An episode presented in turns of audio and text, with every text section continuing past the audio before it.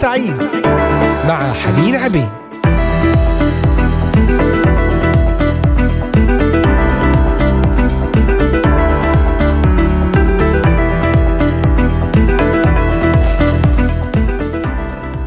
أهلا وسهلا بكم أحبائي مستمعي ومتابعي إذاعة صوت الأمل في هذا اليوم الجديد الأسبوع الجديد أيضا. أهلا بكم. اليوم الاثنين الثالث عشر من شهر مارس آذار عام 2023 الساعة الواحدة وثمان دقائق بتوقيت القدس من الأراضي المقدسة. معكم حنين عبيد على الهواء مباشرة. نهاركم سعيد أينما كنتم تستمعون إلينا من مختلف بلدان الشرق الأوسط بلدان أوروبا كندا أمريكا أستراليا. أيضا أحبائنا في الأراضي المقدسة. نصلي لأجل وقت مبارك وقت فيه كلمة من الرب رسالة خاصة لك ولك أحبائي. فتابعونا واستمعوا إلينا من خلال قناة اليوتيوب إذاعة صوت الأمل بث مباشر وعبر تطبيقات الهواتف النقالة Voice of Hope Middle East وعبر موقعنا الرسمي voiceofhope.com أيضا من خلال منصات البودكاست المختلفة بإمكانكم الاستماع إلى هذه الحلقة وحلقات أخرى. لبرنامج نهاركم سعيد وبرامج مختلفة من إذاعة صوت الأمل. على أنغامي سبوتيفاي ديزر أمازون ميوزك كاست بوكس أبل وجوجل بودكاست ومنصة Podvine موضوعنا هو الغضب والكلمات المتسرعة. الغضب والكلمات المتسرعة. نصلي أن يفتح الرب أذهاننا وقلوبنا وأعماقنا لاستقبال كلمته لنا في هذا اليوم. مشاكل الكلمات الغاضبة والمتسرعة؟ نعم الكلمات الغاضبة والمتسرعة تسبب الكثير من المشاكل ما هي؟ سنعرف خلال هذه الحلقة. كان لديكم أي طلبة صلاة مشاركة أفكار؟ راسلونا واكتبوا إلينا عبر صفحة الفيسبوك إذاعة صوت الأمل. أيضا بإمكانكم متابعتنا من خلال منصتي التليجرام والإنستغرام Voice of Hope Middle East. دعونا نبدأ آه هذا الوقت بقراءة كلمة الرب. الرب يسوع المسيح عندما علم عن الغضب في الموعظة على الجبل كلمات دونت لنا في إنجيل متى الأصحاح السادس. قد سمعتم أنه قيل للقدماء لا تقتل ومن قتل يكون مستوجب الحكم. وأما أنا فأقول لكم إن كل من يغضب على أخيه باطلا يكون مستوجب الحكم. ومن قال لأخيه رقى يكون مستوجب المجمع. ومن قال يا أحمق يكون مستوجب نار جهنم. فإن قدمت قربانك إلى المذبح وهناك تذكرت أن لأخيك شيئا عليك فاترك هناك قربانك قدام المذبح واذهب أولا اصطلح مع أخيك وحينئذ تعال وقدم قربانك. كن مراضيا لخصمك سريعا ما دمت معه في الطريق لئلا يسلمك الخصم إلى القاضي ويسلمك القاضي إلى الشرطي فتلقى في السجن. الحق أقول لك لا تخرج من هناك حتى توفي الفلس الأخير. نعم هناك نتائج رهيبة للغضب والكلمات المتسرعة. هنالك نتائج صعبة. لذلك تعالوا نصلي في هذا الوقت. إن كنت تعاني من الغضب وتتسرع بالكلام أثناء الغضب قل له يا رب تعامل معي مع هذه المشكلة مع جذورها ايا كان السبب. أنا أثق بك. أنك تستطيع أن تحررني اليوم وتلمسني لك كل المجد والبركة. أيضا إن كان هنالك احتياج لشفاء آمن أن الرب حاضر ويستطيع أن يلمسك ويشفيك روحيا ونفسيا وجسديا. يستطيع أن يسدد كل احتياج لك مادي. آمين. مشاكل الكلمات الغاضبة والمتسرعة. ليرفع من بينكم كل مرارة وسخط وغضب وصياح وتجديف مع كل خبث. هذا ما قاله الرسول بولس في رسالة أفسس الأصحاح الرابع الآية الحادية والثلاثين. كل هذه الصفات تدخلنا في مشاكل ومتاعب الغضب الانفعال الثورة الصياح العراك النزاع التجديف والإفتراء. وترويج الشائعات والمكر والخبث. وهي قائمة تحتوي على صفات غير محببة غير مرغوبة. عزيزي أي من هذه الصفات يشكل لك مشكلة كبيرة؟ كان الغضب والانفعال سبب في مشاكل. ولربما هو سبب في مشاكلك اليوم. لكن قل له يا رب أريد أن أنتصر على هذه الأمور اليوم. حتى لو بدا انه من الصعب الانتصار عليها. فالميل إلى العنف والقسوة. لربما عانيت من هذه الطباع. قل له يا رب حول حياتي من العنف إلى الوداعه افعل هذه المعجزة معي. أنت قادر أن تفعل هذا معي. آمين. آمين. آمين. يجب علينا الا نغضب ونثور في كل مرة. لا تسير الأمور بحسب ما نريد. لكن بمقدورنا ان نتكيف مع الأوضاع والظروف المختلفة بمعونة الروح القدس. بمقدورنا أن نتكيف مع الأوضاع والظروف المختلفة بمعونة الروح القدس. نسلك مبطئين في التكلم مبطئين في الغضب. اذا يا إخوة الأحباء ليكن كل إنسان مسرعا في الاستماع مبطئا في التكلم مبطئا في الغضب كما ذكر الرسول يعقوب في الرسالة الأصحاح الأول الآية التاسعة عشر. ماذا أكثر عن هذه النصيحة؟ بعد هذه الترنيمة من المرنم سعيد رمضان انت قلبك طيب.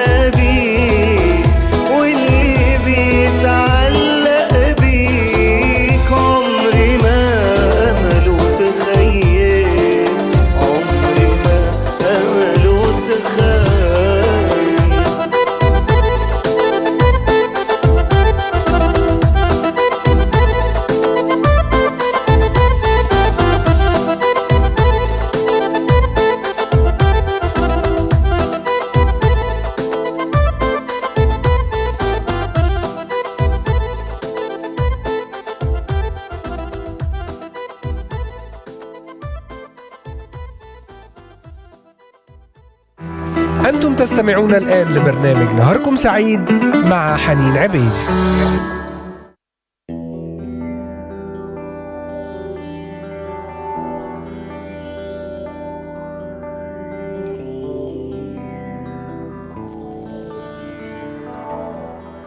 انت قلبك طيب صالح انت قريب واللي بيتعلق بيك عمره ما أمله تخيب. نعم هذا ما قاله الرب يسوع له كل المجد. تعلموا مني لأني وديع ومتواضع القلب. وديع ومتواضع القلب. لم يرفع الرب يسوع يوما صوته لم يجاوب لم يحتد ولم يغضب. حتى لصالبيه لم يفتح فاه بل قال يا أبتاه اغفر لهم. وفي حديثنا اليوم عن مشاكل الكلمات الغاضبة والمتسرعة. وكما قرأنا في البداية الآيات المباركة القوية عن الغضب والذي تكلم بها الرب يسوع في الموعظة على الجبل عن الغضب. وأيضا الرسول يعقوب ينصحنا بأن نكون مسرعين في الاستماع مبطئين في التكلم مبطئين في الغضب. وأهم ما في هذه الآية وربما يكون الأكثر صعوبة هو أن نكون مبطئين في التكلم فبمجرد أن نسمح لهذا اللسان أن يبدأ بالكلام فسرعان ما سوف تكون أمور لا ترضينا ولا تكون مباركة وتكون خطرة.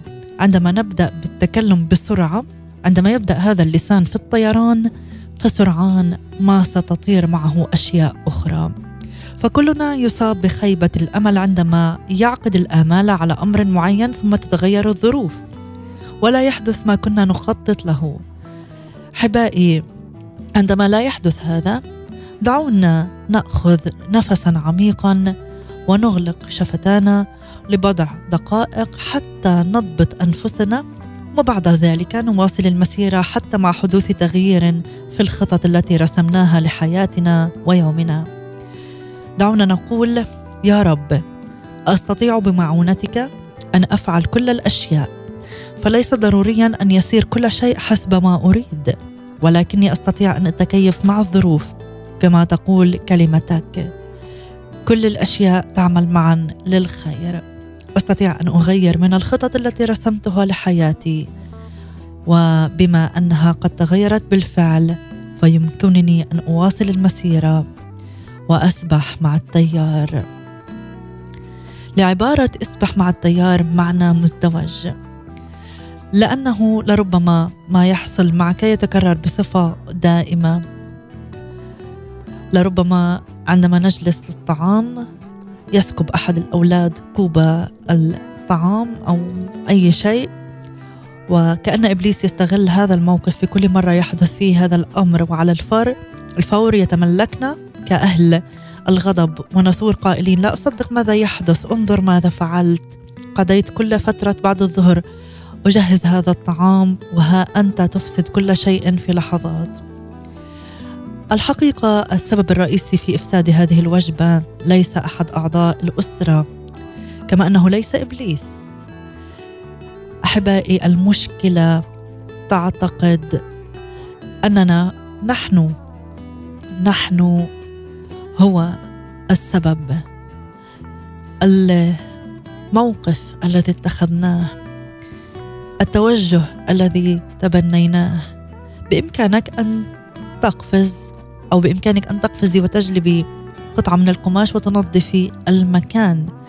لكن لازم أن نتعلم أن نضبط أنفسنا وشفاهنا في مواقف الغضب ونتقبل كل ما يحدث بفرح ورحابة الصدر لقد حدث هذا الشيء مرة أخرى ولا أحد يستطيع أن يرفعه عنا سوى الرب فإن لم يفعل علينا أن نتقبل بفرح.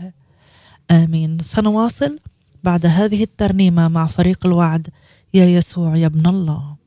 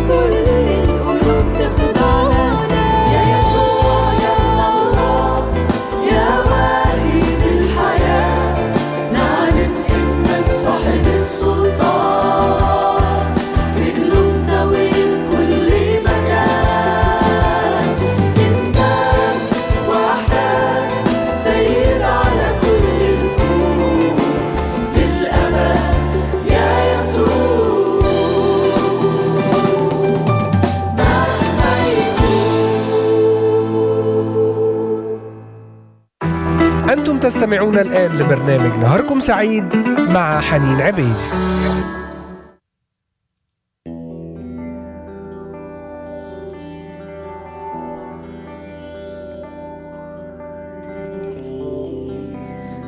نعم عدنا إليكم أحبائي المستمعين. بعد هذه الترنيمة الرائعة من فريق الوعد يا يسوع يا ابن الله يا واهب الحياة. نعلن إنك صاحب السلطان. وفي حديثنا اليوم عن الغضب ومشاكل الكلمات المتسرعة نعلن يا رب أنك أنت صاحب السلطان على كلماتنا وعلى مشاعرنا أثناء الغضب. تحدثنا عن مثال عملي قد يحدث معنا بينما نحن نتناول الطعام يسكب أحد الأولاد الحساء أو اللبن أو أي أمر من الطعام فنبدأ في الغضب والانفعال والكلمات المتسرعة المتهورة. بينما بإمكاننا أن ننظف المكان بكل هدوء وبكل سلام نكمل الوجبة. أحبائي فمهما كانت الحالة التي نكون عليها ومهما كان موقفنا ودرجة الغضب مهما غضبنا وثرنا وتوترنا لن يتغير الوضع ولن يتحسن. نحتاج أن نقوم ونعمل امرا ما لا أن نندفع بالغضب. وإن أيضا تعطلت في زحام المرور وجلست تشتكي وتتذمر وتغضب وتثور فلن يحل هذا المشكلة ولن تخرج من هذا الزحام ولو دقيقة قبل الوقت المحدد. بل قد يتسبب ذلك في شعور بالصداع وألم في الرقبة والظهر. ومعدة مضطربة وارتفاع في ضغط الدم. ولماذا هذا؟ لماذا؟ هل الأمر يستحق كل هذا؟ علينا أن نتعلم أن نكون سلسين أن نكون متماشين متأقلمين مع الأوضاع ولا نفقد سلامنا ابدا. عندما نتأقلم مع الأوضاع وليس ضد الوضع. تخرج كلمات أكثر لطفا من أفواهنا. تكيف مع الظروف والأوضاع. قال في رسالة روميا الأصحاح الثاني عشر مهتمين بعضكم لبعض اهتماما واحدا غير مهتمين بالأمور العالية بل منقادين إلى المتضعين. لا تكونوا حكماء عند أنفسكم. يمكننا أن نتكيف مع الظروف بحسب ما كتب الرسول بولس ويمكن أيضا أن نكون قابلين للتغيير وإعادة التشكيل. وبالطبع هذا لا يعني أنه لا يوجد ما نستطيع مقاومته أو تغييره كما أنه لا يعني أن نسمح للعالم وإبليس أن يتسلط علينا. ولكن هناك بعض الأمور الصغيرة التي تحدث كل يوم في حياتنا وتسرق منا سلامنا وفرحنا. أمور لا نستطيع أن نتجنبها أو نغيرها. ولهذا علينا أن نتعلم كيف نتعامل مع تلك الأمور الصغيرة التي تؤرق بالنا وكيف نهدئ أنفسنا ونكف عن التوتر والثورة في كل مرة تسير الأمور على عكس ما نبغي. رأينا في الآية من رسالة أفسس الأصحاح الرابع قائمة الأمور التي تسبب لنا مشاكل. مثل الغضب والثورة والانفعال والصياح والجدال. هذه الأمور لها دواء لها علاج. السبب الأساسي لهذه الأمور هو الكبرياء والتمركز حول الذات والأنانية. مثل هذه الأشياء تظهر لأننا نريد الحصول على ما نريد في الوقت الذي نريده. ذكر الرسول بولس في رسالته إلى أهل روميا الأصحاح الثاني عشر أننا نرسم صورة غير واقعية عن أنفسنا. ونتصور أن لنا الحق في الحصول على كل شيء بالطريقة التي نريدها. ولهذا السبب نثور ونغضب عندما لا تسير الأمور كما نريد أو نتوقع. الغضب يولد كلمات غاضبة وينتهي الأمر في أغلب الأحيان بأن نسبب ألم وجراح للآخرين. يا رب أعطنا الا نغضب وأن لا نحتد. مهما ساءت الأمور فالغضب يولد غضبا أكثر ويسبب الما وجروح. ندعوك ملكا ومن ثم نعود ونكمل وإياكم.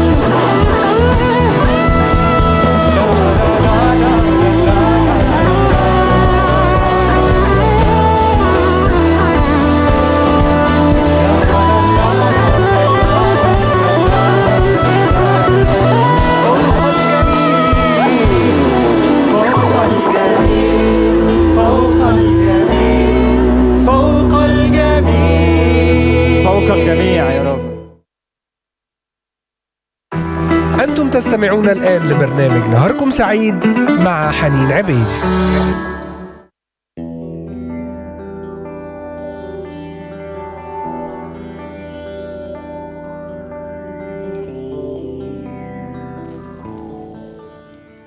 فوق الجميع نعم فوق الجميع. وإن كان الرب فوق كل شيء في حياتنا فبالطبع ستكون كلماتنا وردود أفعالنا. عند الغضب لن تكون بسخط بصياح بتجديف كما ذكر بولس الرسول في قائمة في رسالته إلى أفسس بل ستكون وديعة رقيقة هادئة تبث السلام من أين تأتي الحروب؟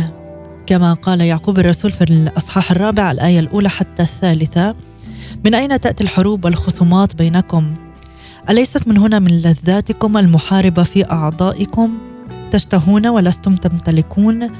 تقتلون وتحسدون ولستم تقدرون أن تنالوا؟ تخاصمون وتحاربون ولستم تمتلكون لأنكم لا تطلبون. تطلبون ولستم تأخذون لأنكم تطلبون رديا لكي تنفقوا في لذاتكم. يجب أن نعترف كلنا أحبائي بأننا نعاني من مشكلة كبيرة هي الأنانية. السبب هي التركيز على الذات. السبب هو التركيز على الذات. الطبيعة الجسدية تحب ذاتها إلى أقصى حد وتريد الحصول على ما تريد بالطريقة التي تريدها. ولكن يجب أن لا نمنحها ما تريد كل الوقت. وهذا الحرمان يسبب المشكلة. السببين الرئيسين لحدوث نزاع وخصومة بين الناس. الأول هو لكي يثبت كل من الطرفين أنه على حق لأن كلينا يريد الحصول على هذا الحق أن يكون على حق. والسبب الآخر هو أننا نريد الحصول على كل ما نريد بالطريقة التي نريدها. نحتاج أن نعرف أن الله هو الشخص الوحيد الذي يستطيع أن يمنحنا ما نريده بالطريقة التي نريدها. فعندما تتأزم الأمور ولا تسير وفق ما نريد علينا أن نهدئ أنفسنا ونتواضع قليلا وندرك أن مثل هذه الأشياء الصغيرة التي نتجادل ونتخاصم عليها لا تشكل أهمية كبرى في حياتنا. إن مسحة الرب هي أهم ما في الأمر. إن مسحة الرب هي أهم ما في الأمر ولنحافظ عليها. يجب أن نكون مستعدين للعيش بعضنا مع بعض في سلام وانسجام. حتى نحافظ على المسحه يجب أن نكون مستعدين للعيش مع بعضنا البعض في سلام وانسجام. إن أردنا مسحة الرب على حياتنا علينا أن نعيش في هذا السلام وليس في الخصام. قال بولس الرسول في رسالة أفسس أو في رسالة كورنثوس المحبة تتأنى وترفق. المحبة لا تحسد لا تتفاخر ولا تنتفخ ولا تقبح ولا تطلب ما لنفسها. إذا ما هو العلاج للخصومة والنزاع؟ هو المحبة. علينا أن نتعلم أن نكون محبين للسلام والتوافق وأن نحب الآخرين بكل كياننا. حتى إننا نتنازل عن حقوقنا وطرقنا أحيانا مقابل الاحتفاظ بعلاقتنا بالأشخاص. وهذا هو قصد الرسول بولس عندما قال إني أموت كل يوم بمعنى أموت عن رغباتي وذاتي وأنانيتي.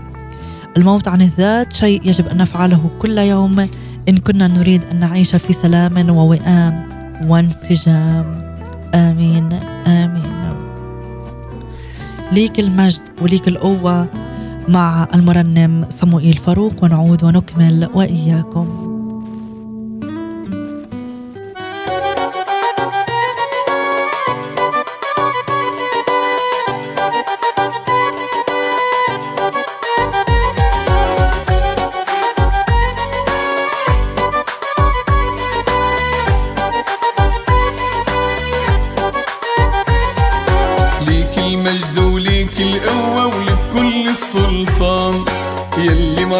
سندت جوا وادتني اطمئنان ليك المجد وليك القوة ولك كل السلطان. يلي مراحمك سندت جوا وادتني اطمئنان وسط الليل الدامس أيوة وجودك لامس. تيجي بصوتك هامس أنا جنبك لا تخاف. تبعت رحمة وخير يمشوا معايا السير. وجهك لما يسير يطرد كل جفاف. وسط الليل الدامس أيوة وجودك لامس. تيجي بصوتك هامس أنا جنبك لا تخاف. تبعت رحمة وخير يمشوا معايا السير. وجهك لما يسير يطرد كل جفاف. ليك المجد وليك القوة ولك كل السلطان. يلي مراحمك سندت جوا واديتني اطمئنان ليك المجد وليك القوة ولك كل السلطان. يلي مراحمك سندت جوا واديتني اطمئنان وسط حروب وغياب تفتح انت الباب. تبعت لي غراب وتكفي وتجود. رغم المستحيلات تيجي باستجابات. وتعدي الأزمات أصلك غير محدود. وسط حروب وغياب تفتح أنت الباب. تبعت لي يا غراب وتكفي وتجود رغم المستحيلات تيجي باستجابات. وتعدي الأزمات أصلا غير محدود. ليك المجد وليك القوة ولك كل السلطان. مراحمك سندت جوا واديتني اطمئنان ليك المجد وليك القوة ولك كل السلطان. يلي مراحمك سندت جوا واديتني اطمئنان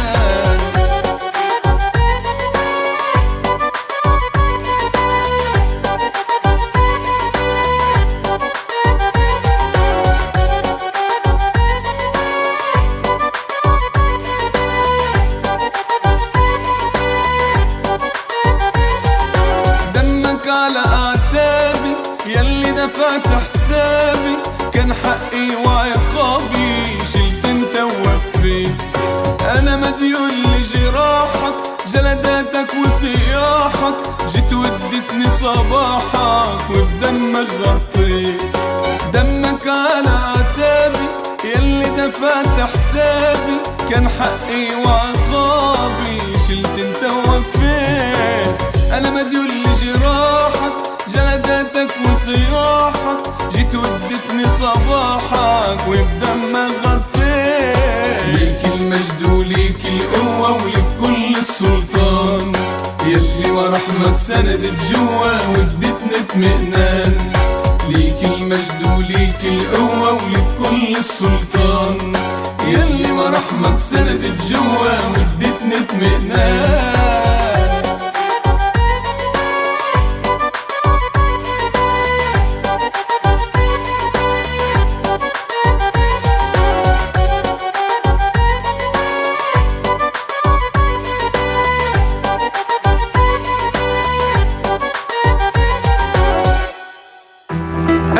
تستمعون الآن لبرنامج نهاركم سعيد مع حنين عبيد.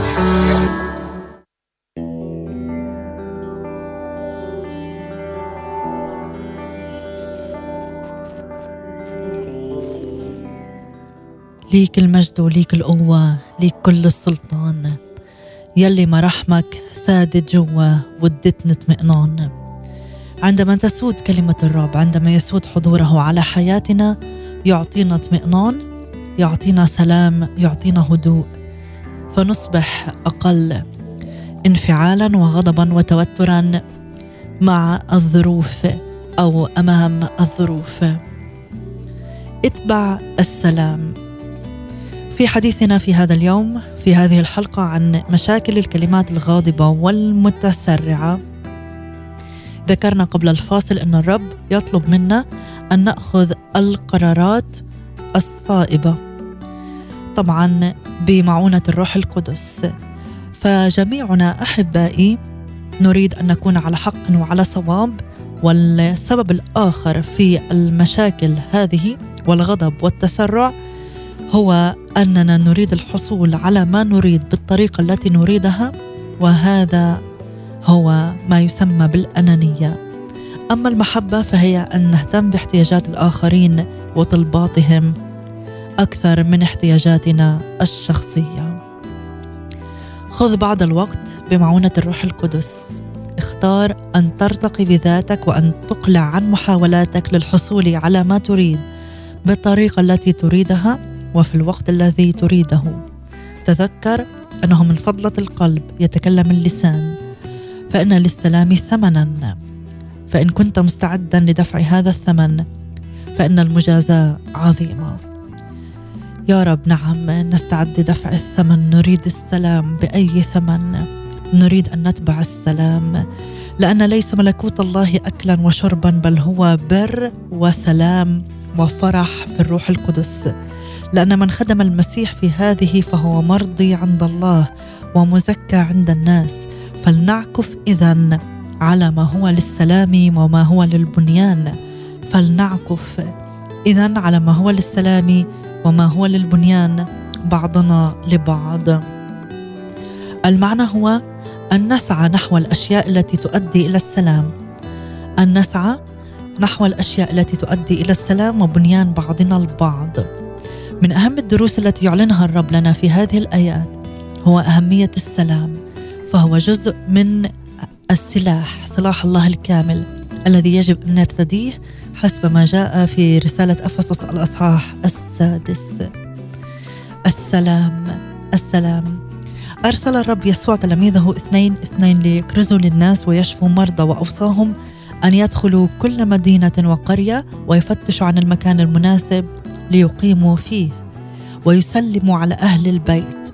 فإن قبل أهل البيت السلام مكثوا هناك وتمموا خدمتهم وإن لم يقبلوه عليهم أن يخرجوا خارجا وينفض غبار أرجلهم من تلك المدينة لماذا أوصى الرب بهذه الوصية؟ لأنه إن مكث التلاميذ في مدينة أو قرية بها نزاعات وخلافات ما كان من الممكن أن يقوموا بأي عمل حقيقي لأن الخصومات تحزن الروح القدس وعندما يرحل السلام عن المدينة يرحل معه الروح القدس الذي يعيننا لنقوم بالخدمة الحقيقية. ترى ما هي الصورة التي تتخيلها ليسوع وهو يؤدي خدمته؟ من المؤكد أنه لم يكن على عجلة من أمره كما نفعل نحن في كثير من الأحيان لكنه كان يخدم بهدوء وسلام لا مثيل لهما. آمين. يسوع كان يتقابل مع أفراد وأشخاص مختلفين. البعض كان عنيفا والبعض لعنوه وأهانوه إلا أنه بقي هادئا ولم يرد الإهانة بالإهانة مهما كانت المعاملة الموجهة له. سنكمل بعد هذه الترنيمة مع بيتر جمال يتعظم اسمك ونعود لنختتم هذه الحلقة. ابقوا معنا.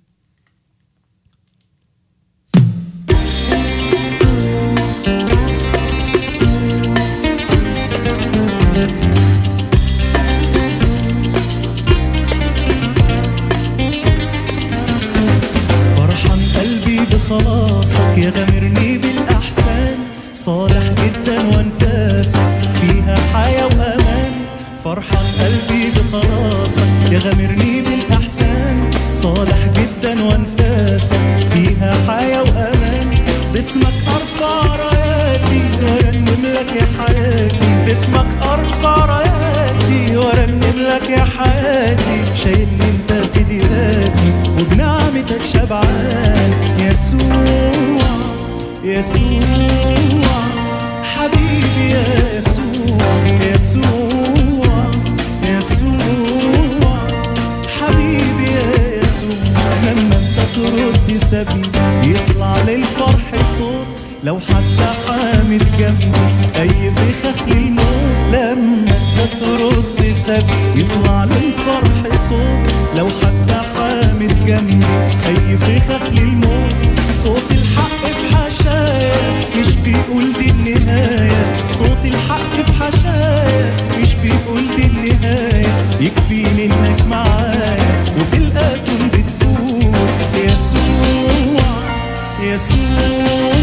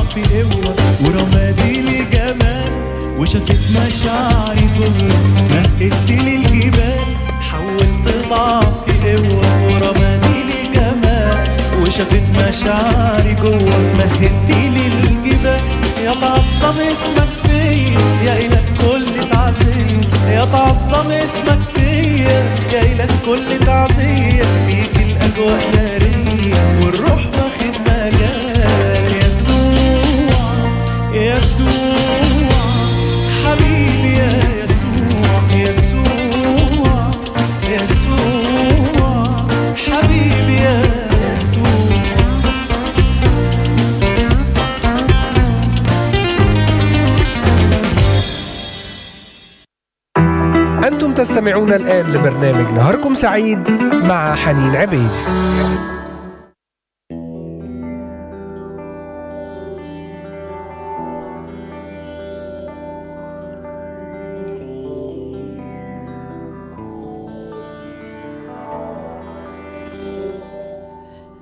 يسوع يسوع حبيبي يا يسوع.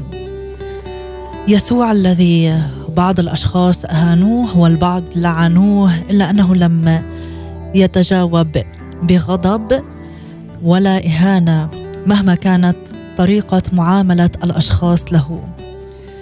أحبائي يسوع الذي في أوقات الصلب والجلد والإهانة بقي في سلام داخلي تمتع به بغض النظر عن الظروف الخارجية المحيطة به. وهذا الأسلوب يجب أن ينميه كل فرد منا. فإن كنا حقا سفراء ليسوع علينا أن نتشبه بسيدنا. وإن أردنا أن نخدم إلهنا ومخلصنا علينا أن نشتاق ونسعى نحو السلام لأنه الشيء الذي يحاول إبليس أن يسلبه من شعب الله. وإن كنا نعيش في سلام من المؤكد أننا سنتفوه بكلمات يملأها السلام. إن كنا نعيش في سلام من المؤكد أننا سنتفوه بكلمات يملأها السلام. انتبه لما تقول فإن الأسلوب وتعبيرات الوجه ونبرة الصوت كلها أشياء تنقل رسائل معينة مثلها في ذلك مثل الكلمات. من المؤكد جدا أن نتفوه بأشياء صحيحة وصالحة وبالرغم من ذلك ننقل رسالة للسامعين تختلف عما تعنيه الكلمات وذلك بسبب تعبيرات الوجه. بسبب تعبيرات الوجه. نستطيع أن نقول من فضلك شكرا لك أحسنت. أشكرك على هذا. ولا نغضب ولا نتكلم بكلمه أو بكلمات فيها نبرة صوت خشنة قاسية. ولا نناقض الرسالة التي نتكلم بها. في تعبيرات الصوت ونبرة الوجه. إن كان يسوع هادئا وديعا حليما صبورا لم يرفع صوته لم يجاوب فكم بالحري نحن سفراءه وتلاميذه وأحباءه. في ختام حلقتنا دعونا نصلي قائلين يا رب أنت مثالنا أنت قدوتنا في كل شيء. نسلمك يا رب أحبائي من استمعوا إلينا من لديهم احتياجات خاصة طلبات صلاة ألم مرض صعوبات في الحياة يا رب. عدم سلام غضب انفعال كلمات متسرعة. نصلي أن هذه الكلمات التي استمعنا إليها تملأ قلوبنا وأفكارنا وأعطنا أن نتجاوب معها في أي موقف قادم. نبقى هادئين ومنضبطين مليئين بالسلام. أنت رئيس السلام وملك السلام. أنت إله السلام. املانا بسلامك. بارك بقية يومنا ولاسمك كل المجد والإكرام. يلي بديت الرحلة معايا واثق فيك إنك هتكمل. الذي بدأ معك رحلة التغيير رحلة التطوير نحو شخصية أفضل. هو سيكمل. والذي بدأ رحلة حياتك واعتنى بك وحملك وباركك سوف يكمل أيضا بتسديد احتياجاتك. لذلك لا تقلق. في رحلة نموك الروحي في رحلة حياتك الرب مسؤول عنك هو يهتم بك. لذلك امتلئ بالسلام وكن في سلام مع كل الذين حولك. هذه تحياتي لكم. أحبائي أشكركم على حسن المتابعة والإصغاء. لنا لقاء آخر بنعمة الرب يوم غد. تحياتي إلى اللقاء.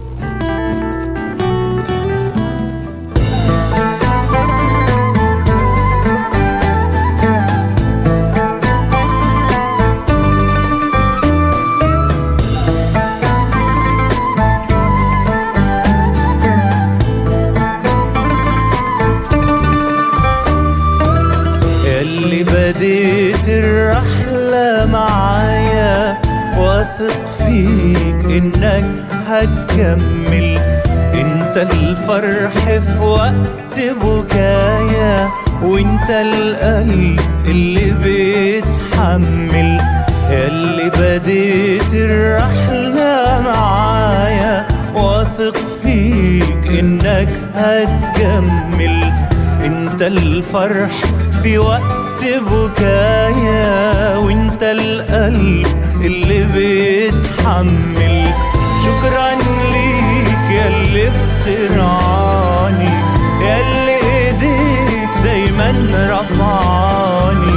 شكرا ليك ياللي بترعاني ياللي ايديك دايما رفعاني.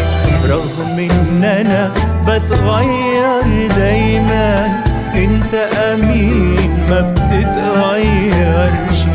وعدك صادق لما بتوعد عن وعدك. انت ما ترجعش رغم ان أنا بتغير دايما. انت أمين ما بتتغيرش. وعدك صادق لما بتوعد عن وعدك. انت ما ترجعش. شكرا ليك ياللي بترعاني ياللي إيديك دايما رفعاني شكرا ليك ياللي بترعاني ياللي إيديك دايما رفعاني خطة عظيمة مدبرها لي رحلة عمر انت راسمها لي. ساعدني يا رب أعيش لك عالي العالم فوق أحوالي. خطة عظيمة مدبرها لي. رحلة عمر أنت راسمها لي. ساعدني يا رب أعيش لك عالي فوق العالم فوق أحوالي. شكرا ليك ياللي بترعاني دايما رفعاني شكرا ليك ياللي بترعاني ياللي إيديك دايما رفعاني شوقي يا رب أحبك أكتر؟ ده ما حدش بيحبني قدك. وحد قلبي وخليني أسهر. طول أيام اشهد عن حبك. شوقي يا رب؟ أحبك أكتر. ده ما حدش بيحبني قدك. وحد قلبي وخليني أسهر. طول أيام أشهد عن حبك. شكرا ليك ياللي بترعاني ياللي ايديك دايما رفعاني شكرا ليك ياللي بترعاني ياللي إيديك دايما رفعاني